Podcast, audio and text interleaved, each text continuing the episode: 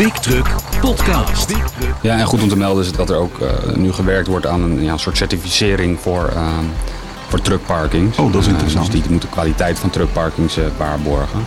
dus, dus het Europees mobiliteitspakket is ook absoluut niet het, het, het een, een eind, eindpunt of zo. BigTruck.nl Iep van der Meer, Wim Brons. Hallo en welkom. In deze Big Truck Podcast Extra gaan we ondersteund door het ministerie van Infrastructuur en Waterstaat in op het mobiliteitspakket. Wat houdt het in? Wat verandert er voor jou als chauffeur? En wat is de bedoeling van al die nieuwe regels? En daarvoor hebben we aan tafel Jouke Lodder en Martin Kouwenhoven van de Directie Wegen en Verkeersveiligheid van het ministerie van Infrastructuur en Waterstaat, Directoraat Generaal Mobiliteit. Goeiedag heren. Goeiedag. Hoi Wim. Hoi. En natuurlijk Tim de Jong en Iep van der Meer van Big Truck Magazine. Hallo. Hallo iedereen. Hallo. En mijn naam is Wim Brons. Met het Europese Mobiliteitspact zijn er een groot aantal veranderingen van start gegaan voor het internationale wegtransport. En een groot deel van het pakket is al sinds 20 augustus vorig jaar in werking.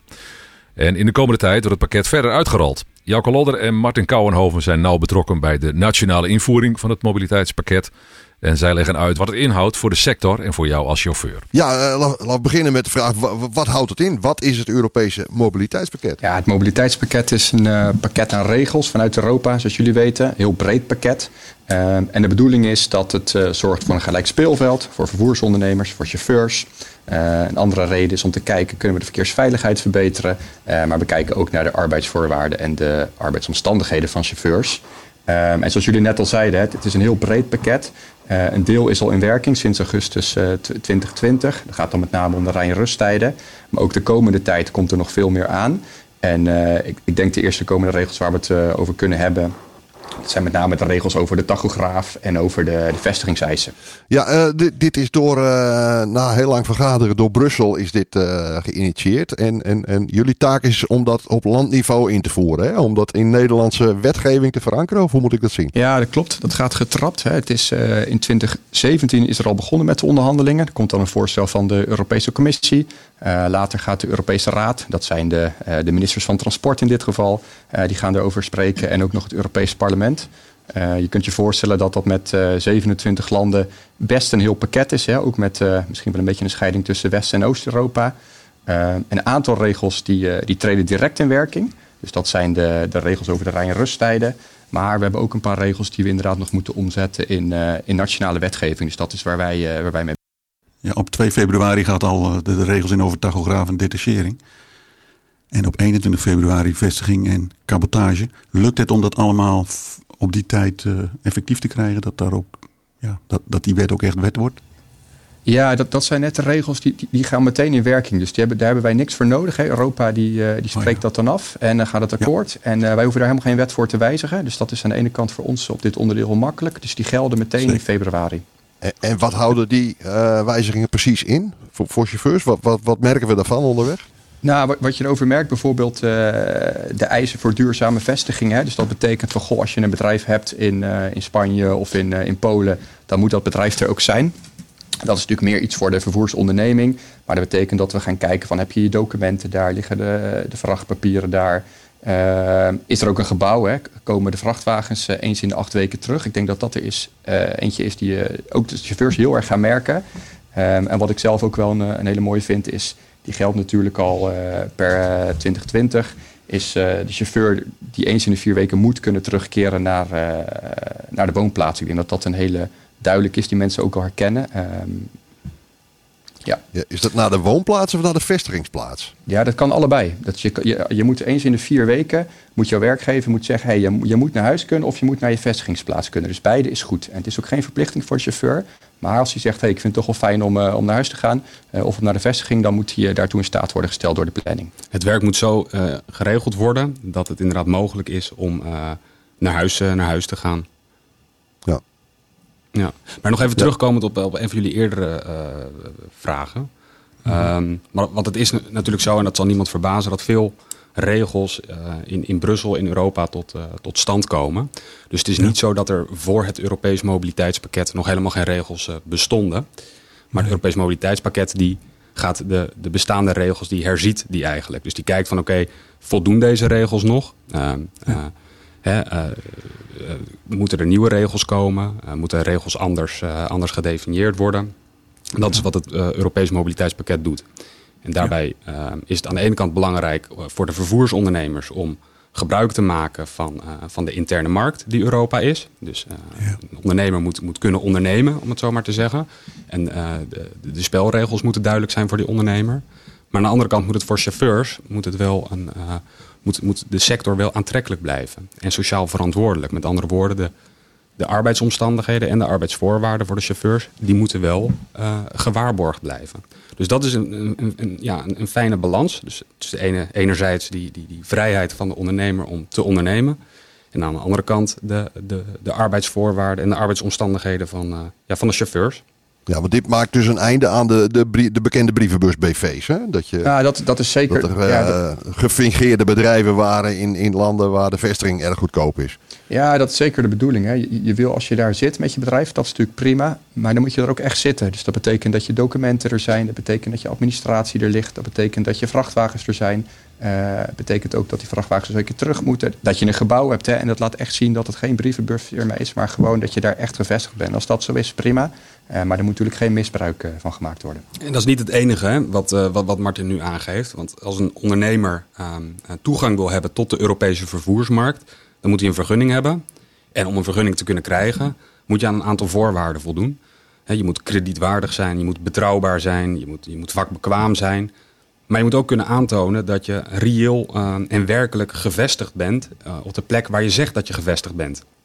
Dus als jij een onderneming hebt in uh, Spanje of in, in, Tsjechië of waar dan ook, dan moet je daar ook wel werkelijk gevestigd zijn. Ja. Mm -hmm. Um, nou, en dat niet alleen. Uh, ja. Dit is natuurlijk allemaal het gevolg van uh, uitwassen die we gezien hebben in het uh, sinds 2004 snel verenigde Europa. Dat bedrijven wel in landen zijn gevestigd, maar niet om daar transport uit te voeren, dus hun bedrijfsvoering te doen. Maar om chauffeurs die ergens anders werkzaam zijn, naar de regels van het land waar die brievenbusfirma is gevestigd, te betalen. En dat is dan vaak, om niet te zeggen vrijwel altijd minder dan het was. En om die reden moet ik zeggen dat ik wel uh, tevreden ben over deze voornemens allemaal. Dat ziet er wel uh, goed uit eigenlijk. Mag, ik dan, mag ik daar een, een vraag op stellen, Tim? Uh, want want je geeft aan dat je, dat je tevreden bent met die, met die bepaling. Maar hoe zit dat voor, voor, voor, de, voor de chauffeur? hebben jullie daar een, kun je een inschatting van maken hoe die daar naar, naar kijkt? Het gaat erom dat die chauffeur die langdurig van huis is, een Oost-Europese chauffeur die in het Westen voornamelijk zijn werk doet, dat die op een nette manier betaald wordt en op op een goed moment weer terug naar huis kan. Oh ja. En uh, dat, is, uh, dat is heel belangrijk. En wat voor overheden in het Westen weer heel belangrijk is, is dat als een Westers bedrijf zich met een brievenbusfirma vestigt in het Oosten, de kans maximaal is dat het, de Westerse overheden belastingen en sociale premies mislopen over werkzaamheden die wel in het betreffende land worden uitgevoerd. En met name jullie Belgische collega's zijn daar nogal uh, happig op geweest. En die hebben bijvoorbeeld een heel bekend transportbedrijf daar een schikking aangeboden van 30 miljoen. Dus dan, dat gaat dan wel ergens over, denk ik. Dus het is goed dat daar nu eens een keer. Ja, dat dit pakket dan nu eens uh, wordt uitgerold. Hey, mogen wij nog twee uh, punten zeggen? Je vroeg net, hè, van wat merken de chauffeurs nou echt van? Hè? We hebben een aantal ja. voorbeelden genoemd die met name de ondernemer merkt. Ik denk dat er vanaf 2 februari twee regels zijn die, die de chauffeur echt gaat merken. Ja. Eén is die, de landcode. Hè? Dus als een chauffeur het land binnenrijdt, dan moet hij die landcode op de eerste plek dat het kan invoeren. Ik denk dat dat een hele merkbare is. Ja. dat zal ook echt iets betekenen, misschien ook wel een stukje oplettendheid. Um, en de bedoeling daarvan is natuurlijk dat we weten als een chauffeur de, de grens overrijdt, dat we kunnen controleren op, op rijnrusttijden, op, op gedetacheerdheid, op cabotage, dat, dat soort onderdelen. En een tweede, dat is die, de, de cabotagerichtlijn. Dus dat is nu al zo dat je in, uh, in zeven dagen drie ritten mag doen. Ja. Maar er komt een, uh, wat er nieuw is in dit pakket, is dat je vanaf februari, daar moet een cooling-off periode van uh, vier dagen in zitten. Hè? Dus even ja. in, in Nederland, na de laatste rit, even vier dagen niet. en daarna mag je het weer oppakken. Dat is heel netjes. Het doel daarvan is de prijzen natuurlijk, om, om cabotage beter te kunnen controleren. De praktische uitvoeringen van, daar zijn nogal wat vraagtekens over. Want ja, als iedereen straks op de grens gaat stoppen, om die code te veranderen. En we weten als een chauffeur stopt, dan pakt hij ook meteen zijn half uur of drie kwartier rust even. Ja, dan voorzien we enorme opstoppingen. TLN heeft daar ook al voor gewaarschuwd. Maar goed, dat is een, een praktisch effect van deze maatregel. Hè? Zeker. Ja. Mag, mag ik eerst nog even terug naar die, die cabotage-regel, die, koe- die cooling-off periode van vier dagen. Dat is weer zo'n, het is wel echt een, een, een, een typische regel, of een regel waarin ehm, de balans wordt gevonden, waar ik het net over had, tussen de vrijheid voor die ondernemer om te ondernemen en ehm, eh, een, een eerlijke markt. Cabotage moet eraan bijdragen dat voertuigen eh, ja, optimaler benut worden. Maar het kan niet zo zijn dat cabotage een permanente activiteit wordt. Precies. Dus is er gezegd, eh, cabotage, ja, dat mag. Maar u mag drie cabotageritten in dezelfde lidstaat eh, uitvoeren Ja. in zeven dagen. Ja. Daarna moet u de grens over. En daarna mag u weer in dezelfde lidstaat gaan caboteren. Ja. Ehm, die nieuwe regel, dus inderdaad vier dagen cooling off. ehm, dat, dat is een nieuwe regel. Om te voorkomen dat, ehm, eh, dat je hè, na die drie cabotageritten even snel de grens overgaat. En weer terugkomt en weer het caboteren eh, oppikt of oppakt. Ehm, dus vandaar die vier dagen even, eh, even helemaal niet, geen cabotageritten. Kunnen we nog even de vraag van wat betekent het nou bij de grens? Hè, werd net gesteld. Eh, TLN vroeg daar natuurlijk vorige week in de media ook en ook naar ons eh, aandacht voor. Kijk, wij gaan dat natuurlijk echt monitoren. Er staat in de, in de regel staat de, de eerste plek dat kan. Eh, waar we natuurlijk goed op moeten letten is dat er bij Hazeldonk of andere grensovergangen dat het daar niet meteen hartstikke druk wordt. Dat mensen niet kunnen stoppen. Dat het tot verkeersonveilige situaties leidt. Ja. Ehm, daar kijken wij natuurlijk ook goed naar. Hè, van die, die regels werken ze niet alleen op papier, maar, maar werken ze ook in de praktijk. Eh, dus daar hebben wij nauw contact over met, eh, met de ILNT, onze uitvoeringsorganisatie. En die geven ook wel aan hè, dat die regels moet je natuurlijk handhaven. Die zijn er niet voor niks. Maar als er een parkeerplaats helemaal vol is, dan is dat dus niet een plek waar je kan stoppen. Eh, en dan kan dat misschien best voorkomen dat je een keer eh, op een andere parkeerplaats stopt.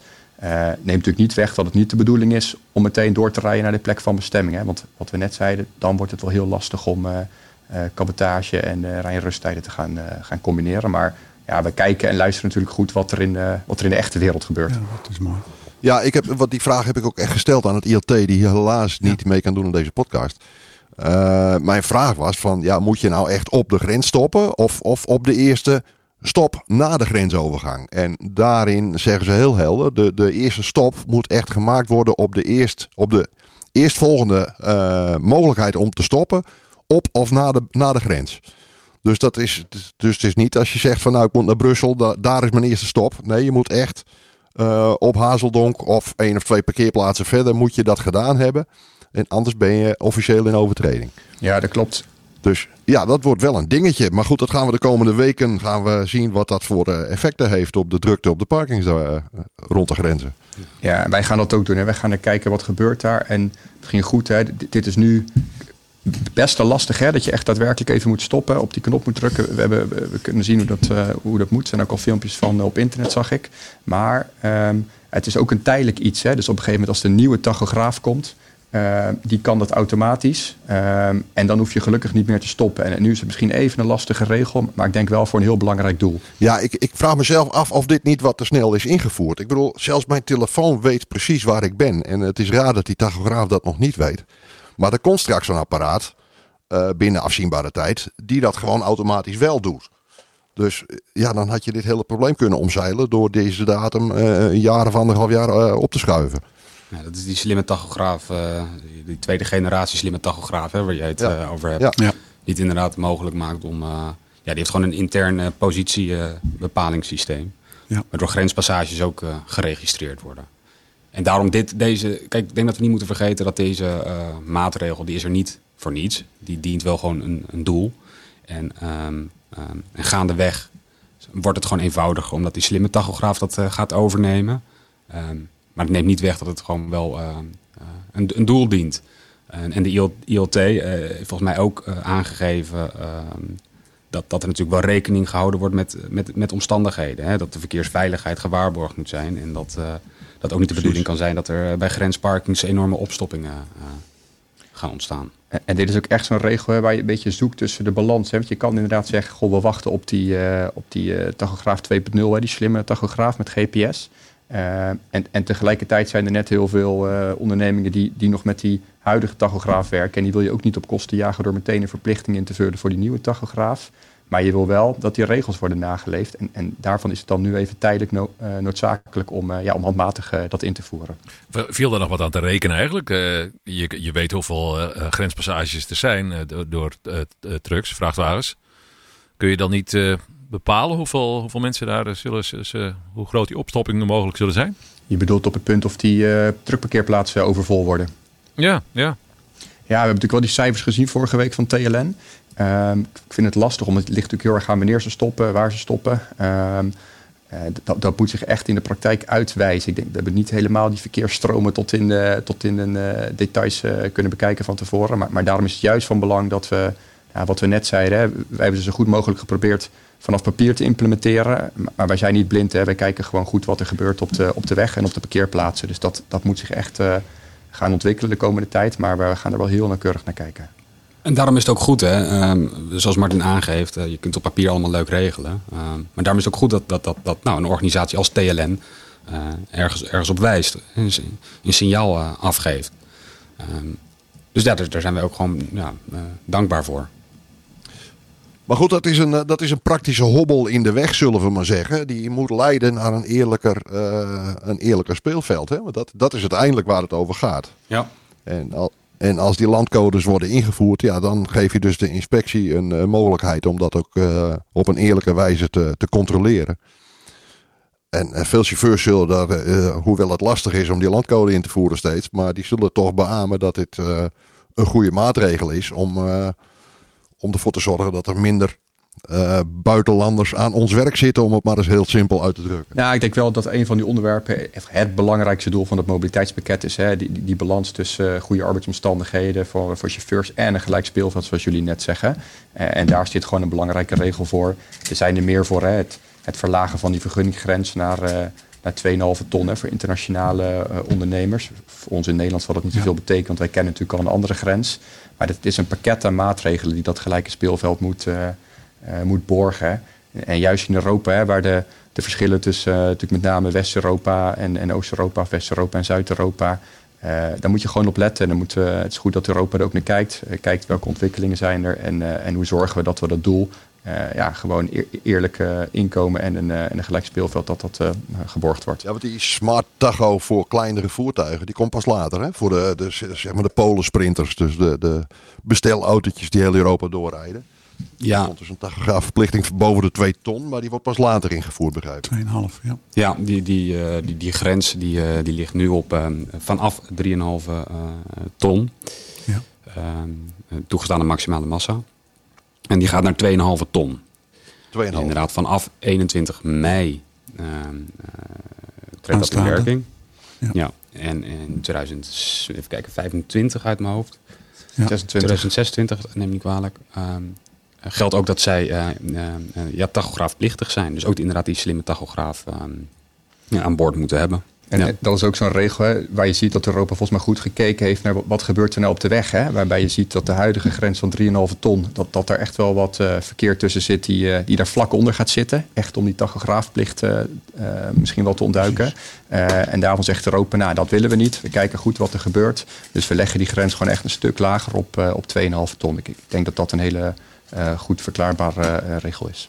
Over, overigens, voor de Nederlandse ondernemingen verandert er niet zoveel. Hè, omdat wij al ehm, eh, de grens van 500 kilogram eh, hanteren. Ja.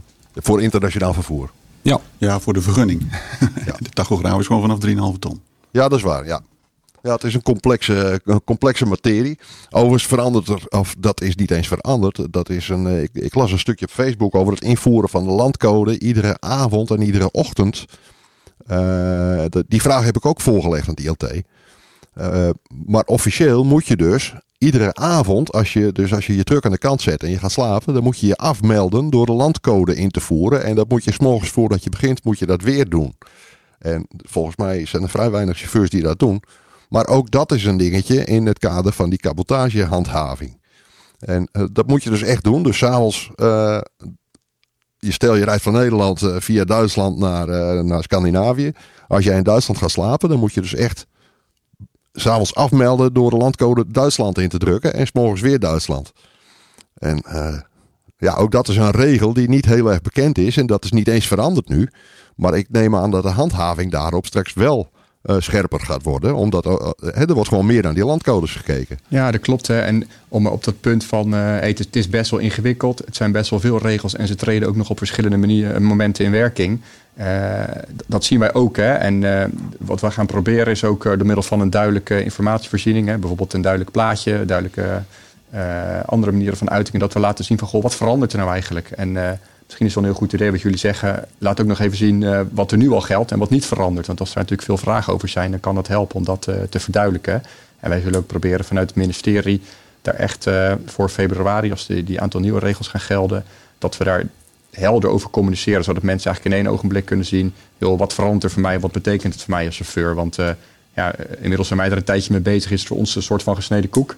Ehm, maar we storten nog best wel wat uit voor de chauffeurs. Dus we gaan echt kijken, hey, kunnen we in normaal Nederlands duidelijk één oog op slag zien? Eh, wat moet ik doen als chauffeur, wat moet ik doen als ondernemer? Ja, en ik denk dat dit daar ook wel gewoon een voorbeeld van is, deze, deze podcast. Dat wij hier gewoon kunnen aanschuiven. Uh, en uh, ja, we kunnen informeren over hè, wat, gaat er nou, uh, wat gaat er nou veranderen en wat betekent, wat betekent dat. Dus ik ben ook heel blij dat wij, dat wij hier gewoon te gasten mogen zijn. nou, we zijn blij dat jullie aan willen schuiven. Ja.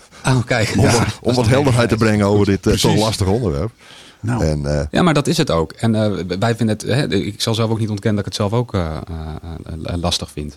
Hè, er zijn gewoon veel, het zijn gewoon veel bepalingen, het, verwoord in, in Europese verordeningen. Um, ja, om dat allemaal gewoon in begrijpelijk, begrijpelijk Nederlands te, te, vertellen, dat is ook gewoon lastig. Um, en het zijn nogal een, een hoop regels. En ja, wij hopen door nou, dit soort dingen, hè, zo deelname aan een podcast, om het gewoon ja, begrijpelijker te maken. Want dat is ook gewoon een, een taak van de overheid, vind ik. Ja, ik zou graag aan de heren van het ministerie willen vragen. Hoe zijn jullie bij ons terechtgekomen? Nou, dat, uh, dat is wel een mooi verhaal. Um, ik werd erop gewezen door collega, onze collega's van, van de ILNT. Die zijn vaker bij jullie te gast geweest. In ieder, geval, in ieder geval twee keer, dacht ik. Ja.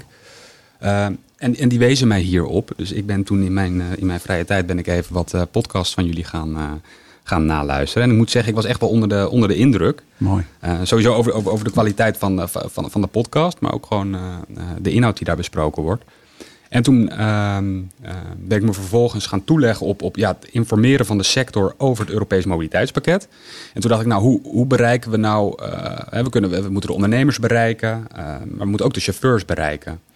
Nou, de chauffeurs die zitten uh, soms hele dagen in, in een cabine. Dus, dus tijd om, om dingen te lezen of, of te kijken, die, die, uh, die is er misschien niet altijd. Toen dacht ik, ja, zo'n podcast is eigenlijk een, een, het perfecte middel om, uh, ja, om te, te, te, informeren. En zo ben ik bij jullie terechtgekomen. Ik heb volgens mij eerst contact gelegd met Iep. En die zag dat ook zitten.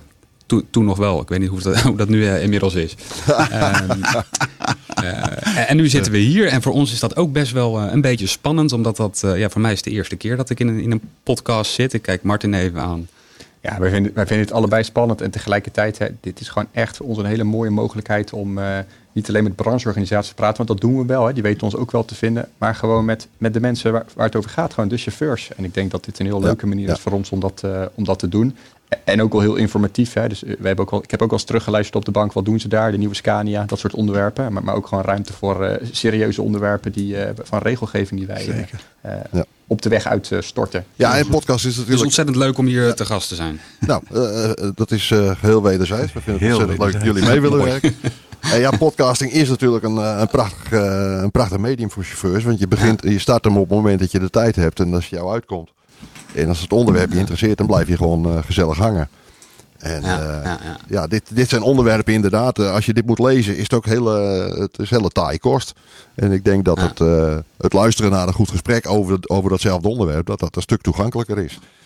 Dus, maar dat is wat, wat ik zeg, zo'n zo oude regeling. Dus dat, dat moest eigenlijk altijd al. Uh, alleen werd er eigenlijk nooit naar gekeken. Maar nu door de toegenomen controle op landcodes, ja, dan gaan, gaat dat ook door de mand vallen. Uh, ga je daar ook door de mand vallen als je dat niet doet s'avonds en s'morgens.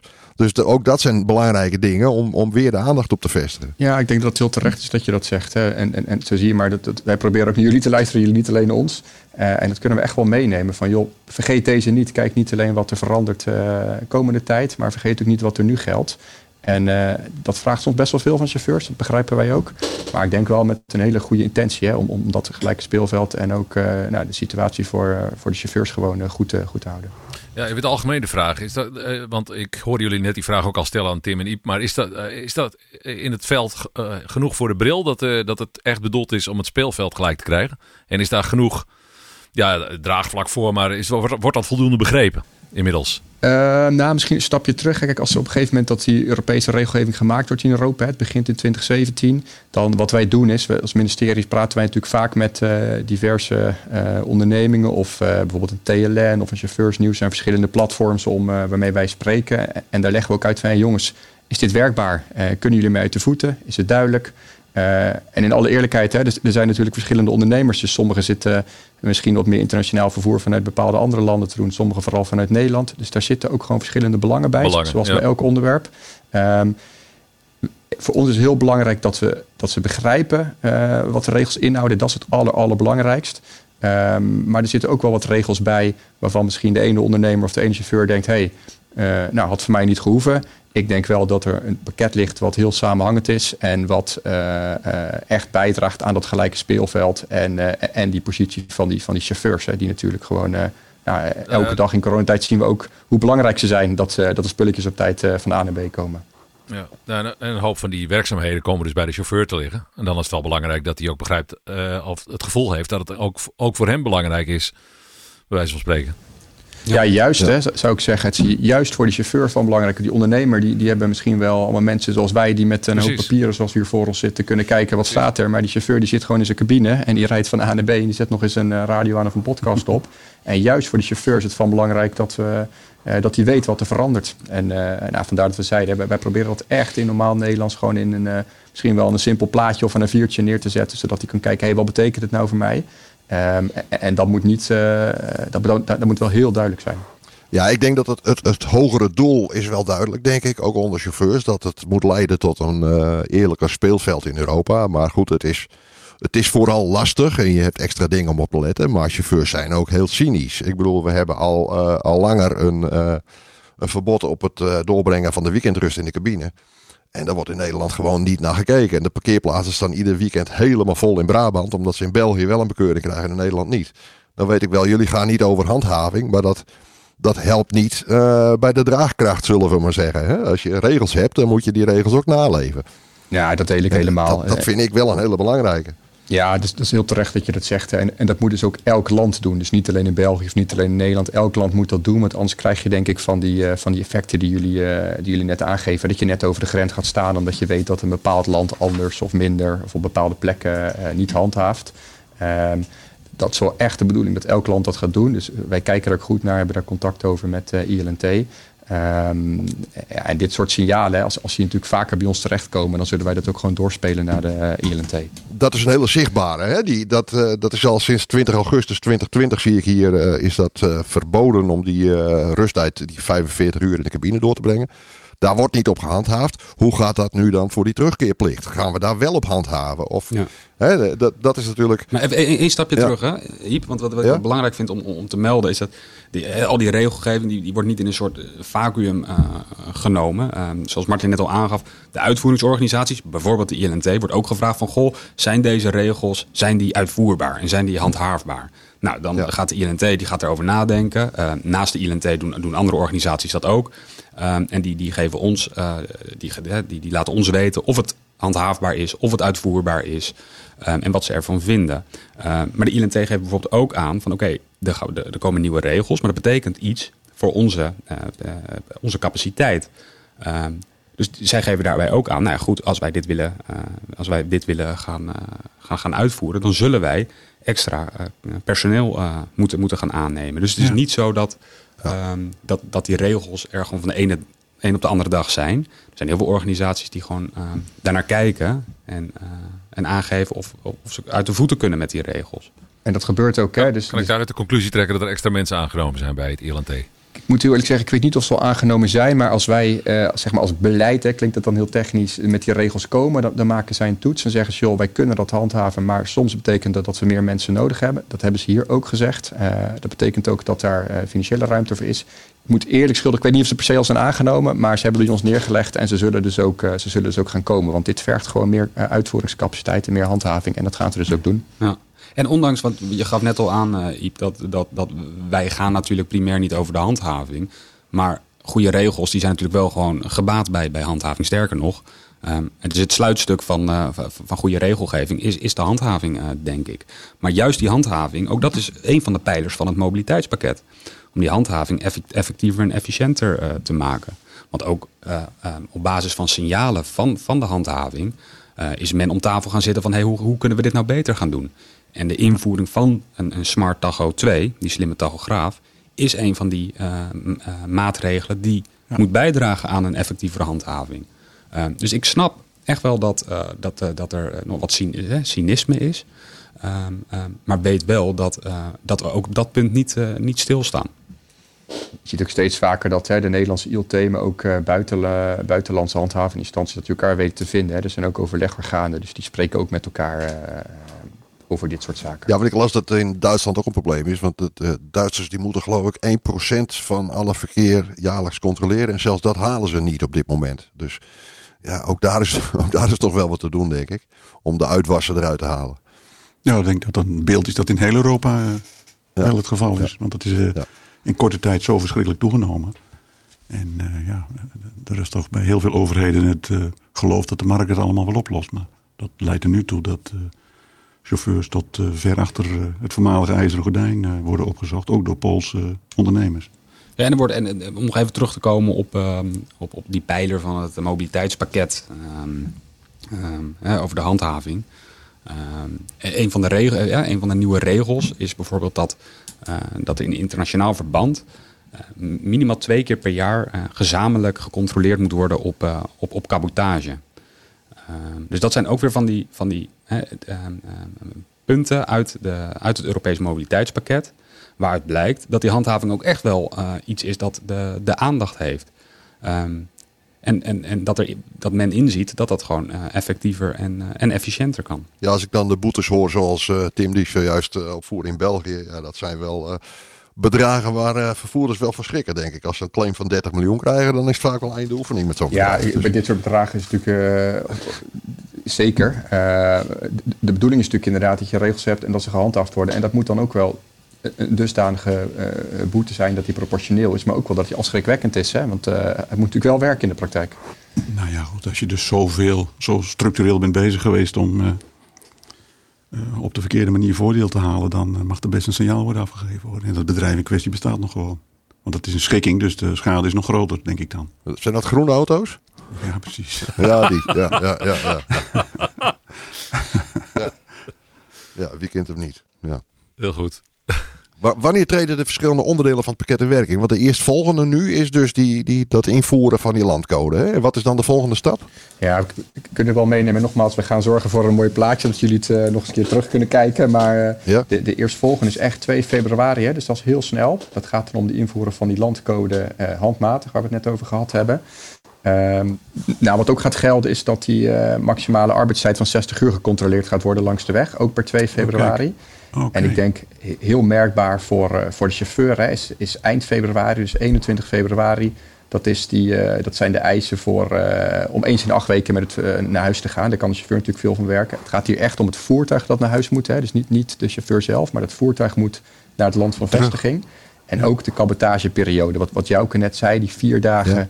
na je laatste rit niet even de grens over en weer terug caboteren. Maar gewoon echt vier dagen even niet caboteren ook dat gaat gelden vanaf uh, 21 februari. Dat zijn denk ik de grootste uh, onderwerpen die, uh, die er nu aankomen.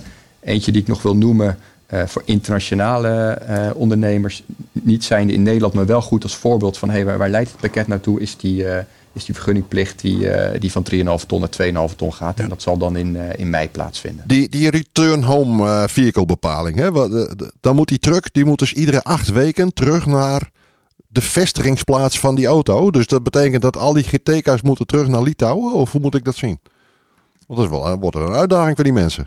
Ja, dat klopt. En, en, en je moet dat zien als, als een onderdeel van dat bredere pakket van hè, waar we het net over hadden, de reële vestiging. Dus heb jij een bedrijf in, uh, in Spanje, in Tsjechië, in Polen, in Litouwen, zoals je zegt, nou, dan moet dat bedrijf er ook echt zitten. En dat moet geen uh, brievenbusfirma zijn. Nou, daar zijn een aantal regels voor. Um, en een daarvan is dat dat voertuig inderdaad eens in die acht weken terug moet naar het land van, eh, van vestiging. En, en daar moet je dus ook in die planning eh, rekening mee houden. En het doel daarvan is, ja, als die voertuigen daar niet zijn, ja, dan kun je je afvragen, eh, is dat bedrijf wel echt gevestigd daar? Of wordt het gebruikt voor andere constructies? En nou ja, een van de regels voor die reële vestiging is deze. Heel herkenbaar, denk ik. Ook natuurlijk veel media-aandacht voor geweest. Vraagt echt wel wat van een, van een ondernemer ook. Ehm, maar wel heel belangrijk, denk ik, samen met eh, eisen als... eh, eh, zijn er voldoende documenten daar? Zijn er gebouwen daar in die lidstaten om, om tot een totaal, totaalpakket van regels te komen die moeten zorgen dat je daar ook echt, in daadwerkelijk, echt daadwerkelijk in het land zit? Nou, en, en voor het mobiliteitspakket waren er al eh, voorwaarden waaraan voldaan moest worden. Hè? Maar men kwam erachter dat, dat, dat ja, die volstonden gewoon niet. Dat was niet, dat was niet voldoende. Nee. Dus vandaar dat er nu een, een, eh, die regel is, ja, die return home vehicle bepaling, als onderdeel van die vestigingseis. ehm, dat inderdaad voertuigen moeten terugkeren naar de lidstaat van, eh, van vestiging. één keer in de acht weken. Nou, als ik zo- zo'n GTK, die hebben wel degelijk een heel echt bedrijf daar in dat Litouwen. En dat is een mega bedrijf, de grootste van Europa, met ik meen de 7.500 vrachtauto's op dit moment. Maar die, die rijden normaal gesproken vrijwel niet die kant op. Die eh, rijden hier maandenlang in Europa in de ronde. Ja, Dus, ja, nou, dat- daar, dat- daar gaat het nou net om. Ja, precies. Dus dat soort jongens, die hebben dus echt een uitdaging nu. Maar ik begrijp dat ze een vestiging in Duitsland hebben geopend, Tim. In Polen. Of in Polen, oké. Ja, in, Maar dat in het eh, westen van Polen. Ja, maar dat houdt dan ook meteen in dat ze eh, volgens Pools, eh, dat ze, dat ze Ja. Poolse lonen moeten betalen voor de jongens die daar gevestigd zijn. Als ze daar het werk doen. Kijk, als in het mobiliteitspakket Ja. staat dat jij het overgrote deel van je werk, en dan komen we ook nog aan het detacheringsstukje, eh, in, een ander, in een derde land doet, dan moet je wel naar de regels van dat derde land betaald worden. Dus dat, eh, dat Ja. kan nog heel wat worden, ook buiten onze branche. Ik denk eventjes aan de vele arbeidsmigranten die we hier hebben. Dus dat, eh, dat kan ook nog een verhaal worden. Dat detacheren dat is niet nieuw. Hè? Dat, er bestaan al Europese regels over detacheren. Dat als je in een ander land eh, werkzaam bent, dat je ook gewoon de eh, aanspraak moet eh, maken op de, ja, de, de, de, de, de arbeidsvoorwaarden in, dat, in dat land. En dat was tot voor kort nog niet van toepassing op het vervoer. En, en dat wordt dus ook veranderd. Nou, dat is wel van toepassing op het vervoer. Alleen het, het, Mhm. het goederenvervoer is gewoon een, een, een hele ja, mobiele sector. Dat, eh, Tuurlijk, dat, Ah, dat, dat- valt dat- niet mee, dat- begrijp ik. Dat, dat, dus het valt niet mee. Kijk, een bouwplaats, om even een voor, ander voorbeeld te Ja. Daar is het veel makkelijker om aan te tonen van oké, iemand is gedetacheerd. Hè? Iemand uit Spanje die, eh, die, die, die gaat op een Franse bouwplaats gaat, gaat die werken. Nou, die is gedetacheerd Ja. in Frankrijk. Dus die moet recht eh, aanspraak kunnen maken op de Franse arbeidsvoorwaarden. Maar de, het goederenvervoer, een mobiele sector zoals ik net al aangaf. Hè, een, chauffeur uit Spanje, die gaat misschien hè, onderweg eh, naar Duitsland. Komt hij langs, eh, langs Frankrijk, misschien langs, eh, langs Luxemburg. die doet verschillende landen aan. Die doet hè, tijdens die rit doet hij, zijn er misschien andere vervoersactiviteiten die hij verricht. Dus het is een ontzettend lastige sector. En die regelgeving die er bestond, die Europese regelgeving over eh, detacheren, ja, die volstond niet. Dus hebben ze gezegd, oké, Ja. dat moeten we gaan, dat, dat moeten we gaan, ehm, die moeten we gaan herschrijven. Speciaal voor, eh, eh, eh, ja, voor het goederenvervoer. Ja. Dus iedere vier weken moet, mag voortaan de chauffeur naar huis of naar de standplaats. En iedere acht weken moet zijn, eh, moet zijn truck ook naar de standplaats. Ja, dat klopt. En, en die vier weken, die is, dat mag, hè, dat zeg je heel goed. Hij mag, het, het hoeft niet. Eh, maar hij moet wel in de gelegenheid gesteld worden om naar huis te gaan als hij dat wil. Dus eh, naar vrouw, kinderen of, of naar de bedrijfsvestiging. En die eens in de acht weken die, voor het Ja, ja. voertuig, dat is echt een verplichting. Ja, want je kunt de chauffeur niet verplichten om naar zijn vrouw te gaan. Ik bedoel, Nee, zover willen ze zelfs in Europa niet gaan. nee. Een hele goeie. Ja. Ja, je, zi- je ziet nu al dat die bedrijven grote hotels gaan oprichten. Hè? Dat er allerlei container-units worden neergezet waar die chauffeurs dan eh, zogenaamd thuis zijn. Ja, en dat is een, eh, een, een element dat nu nog even goed is dat dat ter sprake komt. Want eh, in de komende editie van Big Truck Online Magazine gaan we natuurlijk ook in op deze kwestie. En ik heb een grote exploitant van truckstops eh, hierover gesproken. En die zegt van ja, maar joh, moet je toch kijken waar ze die chauffeurs nou in willen wegstoppen. Dat is allemaal heel erg basic. En in zijn cabine, ja, dat is lekker vertrouwd. Daar heeft hij alles en dat is bekend. Hij blijft mooi bij zijn lading, die is beveiligd. En daar heeft hij mooie luxe. En ja, misschien gaat hij dan nog op een truckstop staan. En dan kan hij nog een keer naar binnen lopen om te eten en even een douche pakken. Dus eh, het, gaat zoals het gaat. Hè, dat, eh, de, alle begrip. Maar eh, ja, dat, eh, ben benieuwd hoe of zich dat verder gaat ontwikkelen. De, de praktische uitvoering zal zijn dat ze in een porto-cabin worden gestopt. Ja, en daar zit niet iedereen op te wachten toe. Daar voor dit niet maand weekend. wachten. Dat kan ik me wel voorstellen. Nou, we hebben die berichten ook gezien. Ik heb, ik heb vorige week een paar van die plaatjes gezien op een website waarbij je ziet inderdaad van hey, is, dit nou een, eh, een plek waar je wilt zitten? Daar kijken we natuurlijk goed naar. Hè? In, in de regels staat per eh, augustus 2020 eh, dat dat een, een kwalitatief hoogwaardige verblijfplek moet zijn. En dat moet het dan ook echt zijn. Eh, en, er komen nu wel. eh, ja, er, ko- er komen nu wel verblijfplaatsen waarvan je, je moet afvragen van... Hey, willen we dat? Kan dit? Is dat nog een beetje betaalbaar?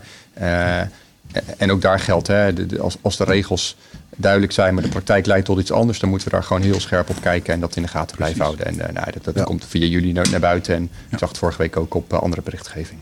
Ja. Die nieuwe vestiging van Giertica in Polen, die gaat daar wel op inhaken. In de zin dat daar wil zorgen dat alle faciliteiten daar zijn. En eh Iep en ik komen vaak bij Nederlandse bedrijven. En wij hadden ook op een gegeven moment een ritje een jaar geleden daar. Waar we toch eh, eventjes eh, ja, flink wat uurtjes maakten.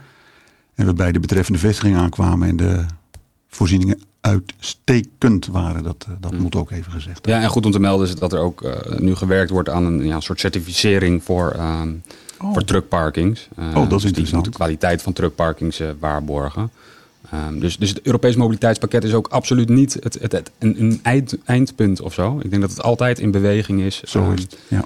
Ehm, en, en dat er altijd gekeken moet worden van oké, volstaat de huidige eh, eh, regelgeving nog? Of moeten we zaken gaan aanpassen? En het certificeren van die eh, truckparkings is daar een eh, mooi voorbeeld van, denk ik. Een soort sterrenrating, net als voor hotels. Ja. Zeg maar. Ja, ze, ze denken daar nu over na. Het is nog in ontwikkeling, maar, maar het laat wel zien, denk ik, jullie punt ook, hè, van goh, het moet wel enig niveau hebben als een chauffeur gewoon eh, naar hard werken en een dag in die cabine ook echt wil rusten, dat hij dat ook echt op een, op een normale plek kan doen en, en niet meteen de randen worden opgezocht van de markt. hè. Want dan snap ik dat hij denkt, ja, dan ga ik gewoon lekker in mijn cabine liggen, bij wijze van spreken. ja. Ja, ondernemers zijn erg creatief. Hè? Zo hebben we gezien met de invoering van het, eh, eh, het 45 eh, uur weekendrust in de cabine, dat dat niet meer mocht. Toen werden er ineens tentjes waargenomen in, de- in de Ja. bossages eh, bij- de parkings. Want ja, die arme jongens mochten niet meer in de cabine slapen. Ja. Dus ja, Ja, maar dat is weer natuurlijk echt opgepakt worden voor bedoeling, wild kamperen. Maar dat wil maar zeggen hoe creatief, hoe creatief ondernemingen omgaan met nieuwe regelgeving. Ja, ja en, en de regel is nu, hè, het moet in een passend verblijf met geschikte slaapfaciliteiten en sanitaire voorzieningen. Ja. Dus eh, dat, ehm, hè, dat, die, die tentjes in de bosrand, dat, eh, hè, dat, eh, dat moeten we gaan Valt daar niet veranderen. onder? Volgens mij Nee. niet. Hangt vanaf wat je thuis gewend bent. Hè? Als je ergens van de Pampas in Kazachstan komt, dan ben je het wel gewend om in een juk te slapen. Dus ik bedoel, ja. Ja, ja, ja, maar ja, met- wel met sanitaire voorzieningen. Ja, ja, ja. Ja. Zo is het. Ja. Laat wel zien hè, dat de praktijk ontwikkelt zich snel. Regelgeving loopt daar natuurlijk eh, vaak achteraan. Het is veel tijd nodig om het vast te stellen. Maar, eh, en daarom zijn die signalen die wij, die wij horen van, eh, van mensen... of die we zelf waarnemen via de uitvoering... eh, echt belangrijk. En eh, we moeten gewoon zorgen dat niet elke keer die randjes worden opgezocht. Nou ja, dat, en dat zijn dingen die kun je eigenlijk alleen met, met, met handhaving, hè, de oog- jullie ogen langs de weg, eh, kun, je dat, kun je dat vaststellen hoe dit, hoe dit zich uitrolt en wat de, de nieuwe mazen in de wet zijn. Eh, om op die manier eh, in de pas te blijven met de, met de ontwikkeling in de praktijk. Ja. ja, laten we ook niet vergeten dat er gewoon eh, ook ontzettend veel vervoersondernemers zijn... die wel gewoon in de pas lopen ook. Hè. Dus, Zo is maar Ja, gelukkig wel. eh, Ja. eh, die, die, die die randjes niet opzoeken. Dus dat, eh, Zo is het. Ja, zo'n goede Ja. nuance. Ja, maar wel nodig, hè? omdat we, we kijken natuurlijk vaak waar het niet goed gaat. Eh, wat jou ook zegt, is helemaal waar. Er zijn gewoon echt heel veel ondernemers die gewoon keihard werken om het, eh, om, om het heel netjes te doen. En maar juist om die te beschermen heb je die regels nodig dat, eh, dat de slechte eh, niet de randjes ervan aflopen. Want daar lijden dan de kwade onder. En, en dat, dat wil je gewoon niet. Want nogmaals, dit moet, dit moet leiden tot een eerlijker speelveld. En ja, daar, daar kan iedereen alleen maar voor zijn, denk ik. ja. En ja, dat dat hier en daar Met wat, duidelijke eh, regels die voor iedereen ja. gelden. En die, du- Ja. die regel, hè, wat ik zeg, duidelijke regels. eh, waarbij die niet voor, voor, voor meer, meer, meerdere interpretaties vatbaar zijn. Eh, dus als er gezegd wordt, nou, eh, u, moet, eh, u mag de, de, de, rust niet doorbrengen in de cabine. En dan kan het niet zo zijn dat die regel niet duidelijk genoeg is. Waardoor er tentjes langs, langs parkeerplaatsen komen te staan. Dus ja, de duidelijkheid van regels die is, dat is ontzettend belangrijk. Nog even over jullie persoonlijk, Martin en Jouke. Wat, het gaat dus binnenkort weer een belangrijke eh, traject van dit eh, pakket in. Eh, wat, wat betekent dat voor jullie in deze dagen? En dat ik een nieuwe baan moet gaan zoeken. Als dit, Wat, sorry? dat ik een nieuwe baan moet gaan zoeken als dit, eh, als dit Oh. voorbij is. nee hoor. Ja, nee, voor, voor mij betekent het dat we, de, dat, dat we nu echt gaan zorgen van... is dit te begrijpen? Is het duidelijk? Snappen chauffeurs dit? Snap, snappen ondernemingen dit? We hebben nu die podcast. Er komt binnenkort ook een, eh, een webinar op internet. Eh, wat, wat lastiger te bekijken vanuit de cabine... maar hopelijk ook weer een eh, eh, stukje duidelijkheid naar, naar buiten toe... waarbij we op interactieve wijze eh, ondernemers of chauffeurs in ons vragen kunnen stellen van... goh, wat betekent dit? Dat doen we samen met het, eh, onze collega's van Sociale Zaken en Werkgelegenheid, omdat zij natuurlijk over die detacheringsregels gaan. Samen met de uitvoering, samen met de NIWO. Ehm, dus we, rollen niet alleen de regels uit, maar we hopen ook dat ze begrepen worden. En daarna hebben we nog stukken Ja. of brokken van dat pakket die we echt moeten omzetten in, in regelgeving. En, en, en dat, ja, dat vraagt eh, eh, gewoon wetten maken. En natuurlijk een, eh, een behandeling in de Eerste en Tweede Kamer. Ehm, dus, dus voorlopig zijn we nog niet klaar. We rollen nog veel uit. Ik kan me ook voorstellen dat we over een aantal maanden weer met zo'n uiting komen van... goh, wat betekent dit nu weer voor de chauffeur en de vervoersonderneming? Ehm, maar we zijn nog niet klaar. En, en we zijn ook eigenlijk nooit klaar ermee. Hè? Want wat we net bespraken, we blijven ook gewoon volgen in de, in de echte wereld wat er gebeurt. En of het goed gaat en of de regels zoals ze bedoeld zijn eh, ook uitgevoerd kunnen worden. Ja, want jullie zijn al bezig vanaf met het mobiliteitspakket. Daar wordt al over gesproken vanaf 2017, meen ik? Ja, de Europese Commissie is in 2017 al begonnen. Eh, drie jaar later is het vastgesteld. En dan is zeg maar Europa klaar. Eh, en dan mogen alle landen dat gaan doen, dus wij ook. En ook dan zie je nog hè, dat, eh, dat iets opgesteld is waarbij je uit de uitvoering of signalen uit de praktijk dat je hoort, hé hey, ja, eh, hoe zit dat eigenlijk? Is daar goed genoeg over nagedacht? Is daar duidelijkheid over nodig? Dus we blijven ook wel spreken met, eh, met Europa of met de commissie. Als er regels zijn waarvan we denken, ja, go- goed bedoeld, maar werkt het in de praktijk? Dus eh, daar- blijft wel altijd de communicatie over. Ja, ik begrijp dat er met name vanuit Oost-Europa heel veel eh, eh, stemmen tegen waren. Hè, tegen dit pakket wat er nu ligt. Met name die terugkeerverplichting. Ja, Bulgarije is toch aan het procederen nog? Begrijp ik dat goed? Ja, dat, dat, dat klopt. Er loopt een, beroeps, eh, een beroepszaak. Ehm, maar afgezien daarvan, eh, waar het verhaal ook mee begonnen. Zo'n pakket is altijd gewoon een, een compromis. Hè? In dit geval van, van 27 lidstaten. Met allemaal Ja, zijn belangen. Ja, met allemaal. En dat is het dus. Kijk, elk land heeft gewoon zijn eigen belangen. En ga die maar eens vatten in een, eh, in, in een pakket. Dat is gewoon Ja. ontzettend lastig. En dat, dat, dat is ook de reden dat totstandkoming van zo'n pakket gewoon ontzettend lang duurt.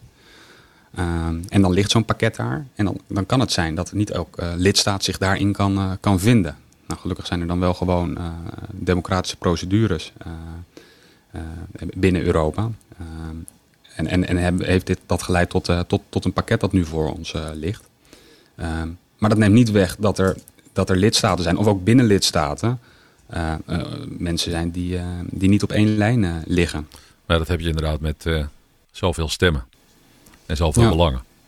Ja. Ja. en zulke grote verschillen binnen Europa. Hè? Ja, ik bedoel, als je, als je alleen al Ja. ziet naar de, de prijzen van het leven en de, en de inkomens in Europa. Dat zijn gigantische verschillen natuurlijk tussen een land als Roemenië of eh, het welvarende Nederland. Ja, ik denk dat dat de kern is. Hè? dat op één lijn te denk dat dat krijgen. de kern is wat je zegt. hè. Eu- Europa is natuurlijk, eh, we Ja. kennen een gezamenlijk Europa, maar de verschillen tussen West-Europa en Oost-Europa zijn natuurlijk qua inkomens heel groot. En, en, en daar, dat kan tot bepaalde prikkels leiden eh, op inkomens, op vergoedingen, waarvan je je moet afvragen, wil je dit? En zeker in zo'n markt, hè, die, die, die internationale markt, waarbij gewoon de vrachtwagens echt door heel Europa heen rijden.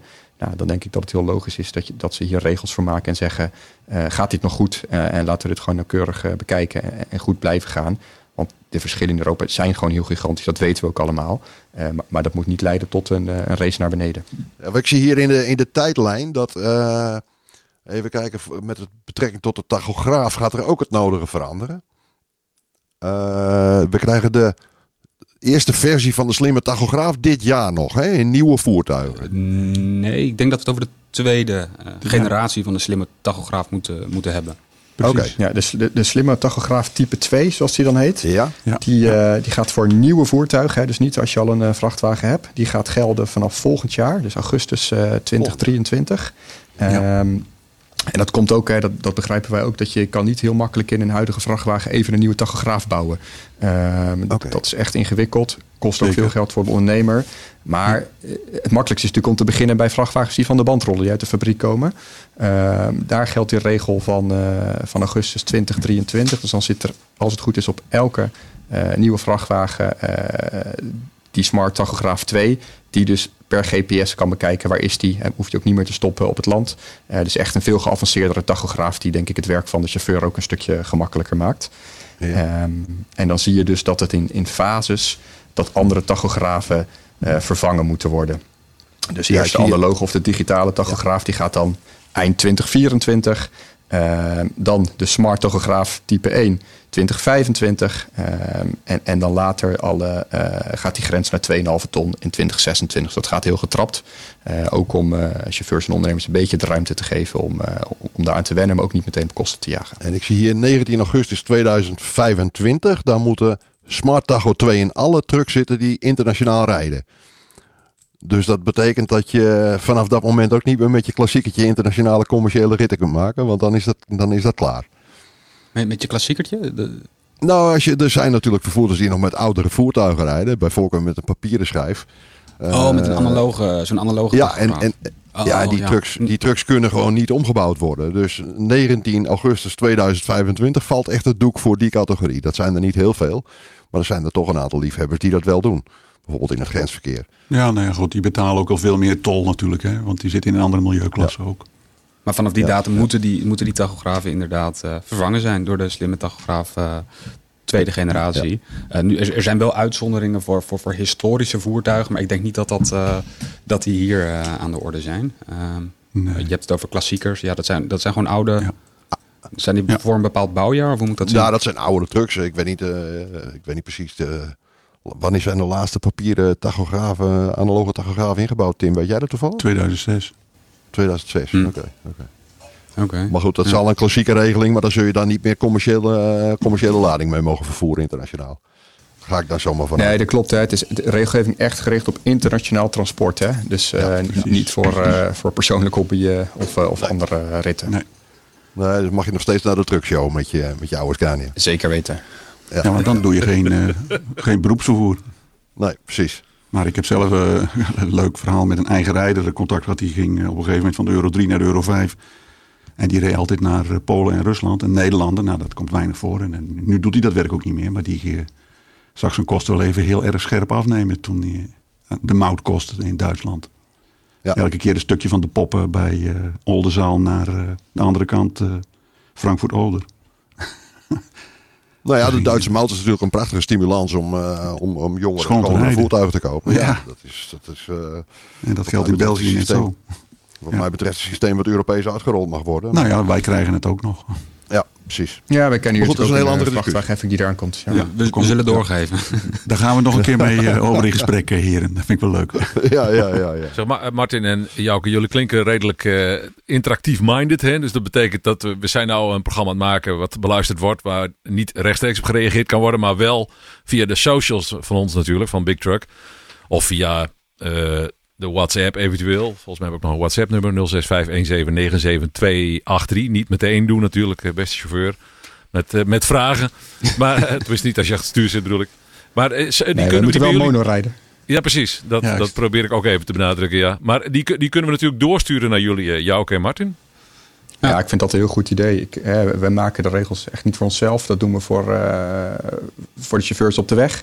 Eh, die zien nog veel meer dan wat wij zien. Dus echt een open uitnodiging eh, via jullie sociale kanalen, denk ik. Om als je dingen ziet waarvan je denkt, hey, hoe zit dat? Kun je er iets meer uitleg over geven? Is dat wel de bedoeling? Of het is onduidelijk? Weet ons te vinden, want daar staan we echt voor open. En dan zitten we hier volgende week gewoon weer. Nou, Dat is helemaal goed. mooi. Ik vond het nu in elk geval al een heel eh, plezierig en, en ook, eh, lijkt mij, eh, informatief eh, gesprek. Eh, en nogmaals, ook. ja. Nogmaals die oproep, eh, beste chauffeur, beste luisteraar, als je, een, als je een, een, een, een- een- misschien zelfs een ergernis of een, eh, of een, eh, een cynische opmerking, ook welkom hoor. Eh, via Wij staan 065 voor alles open. ja. Kortom, reacties. mop. Reactie. Mop, ook goed. Ja. 0651797283 WhatsApp of via de socials van Big Truck Magazine. Mag ik Jouke Lodder en Martin Kouwenhoven van, het, eh, van de directie Wegen en Verkeersveiligheid van het ministerie van Infrastructuur en Waterstaat, Directoraat Generaal Mobiliteit, hartelijk danken. Dat is een mond vol. En dat, eh, dat is mag. een enorme. Ja, jullie ook bedankt. En jullie ook bedankt en ontzettend fijn om hier te zijn. Tim Goed. en Iep, eh, dank ook jongens. Tot de Heel volgende graag, aflevering. ja, Wim, eh, dank voor je deskundige leiding en de techniek. Yes. Ja, die techniek werd trouwens in dit geval eh, mede mogelijk gemaakt door het ministerie van Infrastructuur en Waterstaat. Waarvoor dank. Groeten en tot de volgende. Bedankt voor het luisteren. Niet, niet onbelangrijk, die opmerking. En als je die reacties hebt, eh, kom er maar mee door. Tot de volgende keer. Dag. Je vindt ons op Spotify, Apple Podcasts, Google Podcasts of in je eigen favoriete podcast-app. Abonneer je helemaal gratis en krijg elke update en podcast automatisch in je player. Zo luister je met regelmaat onderweg trucknieuws, achtergronden en weetjes in de cabine. Je reactie is ook van harte welkom. Spreek in via WhatsApp op 06 517 97 283. Of download de gratis Anchor Podcast app in de App Store of bij Google Play. En luister, abonneer en reageer. BigTruck.nl. Online onderweg.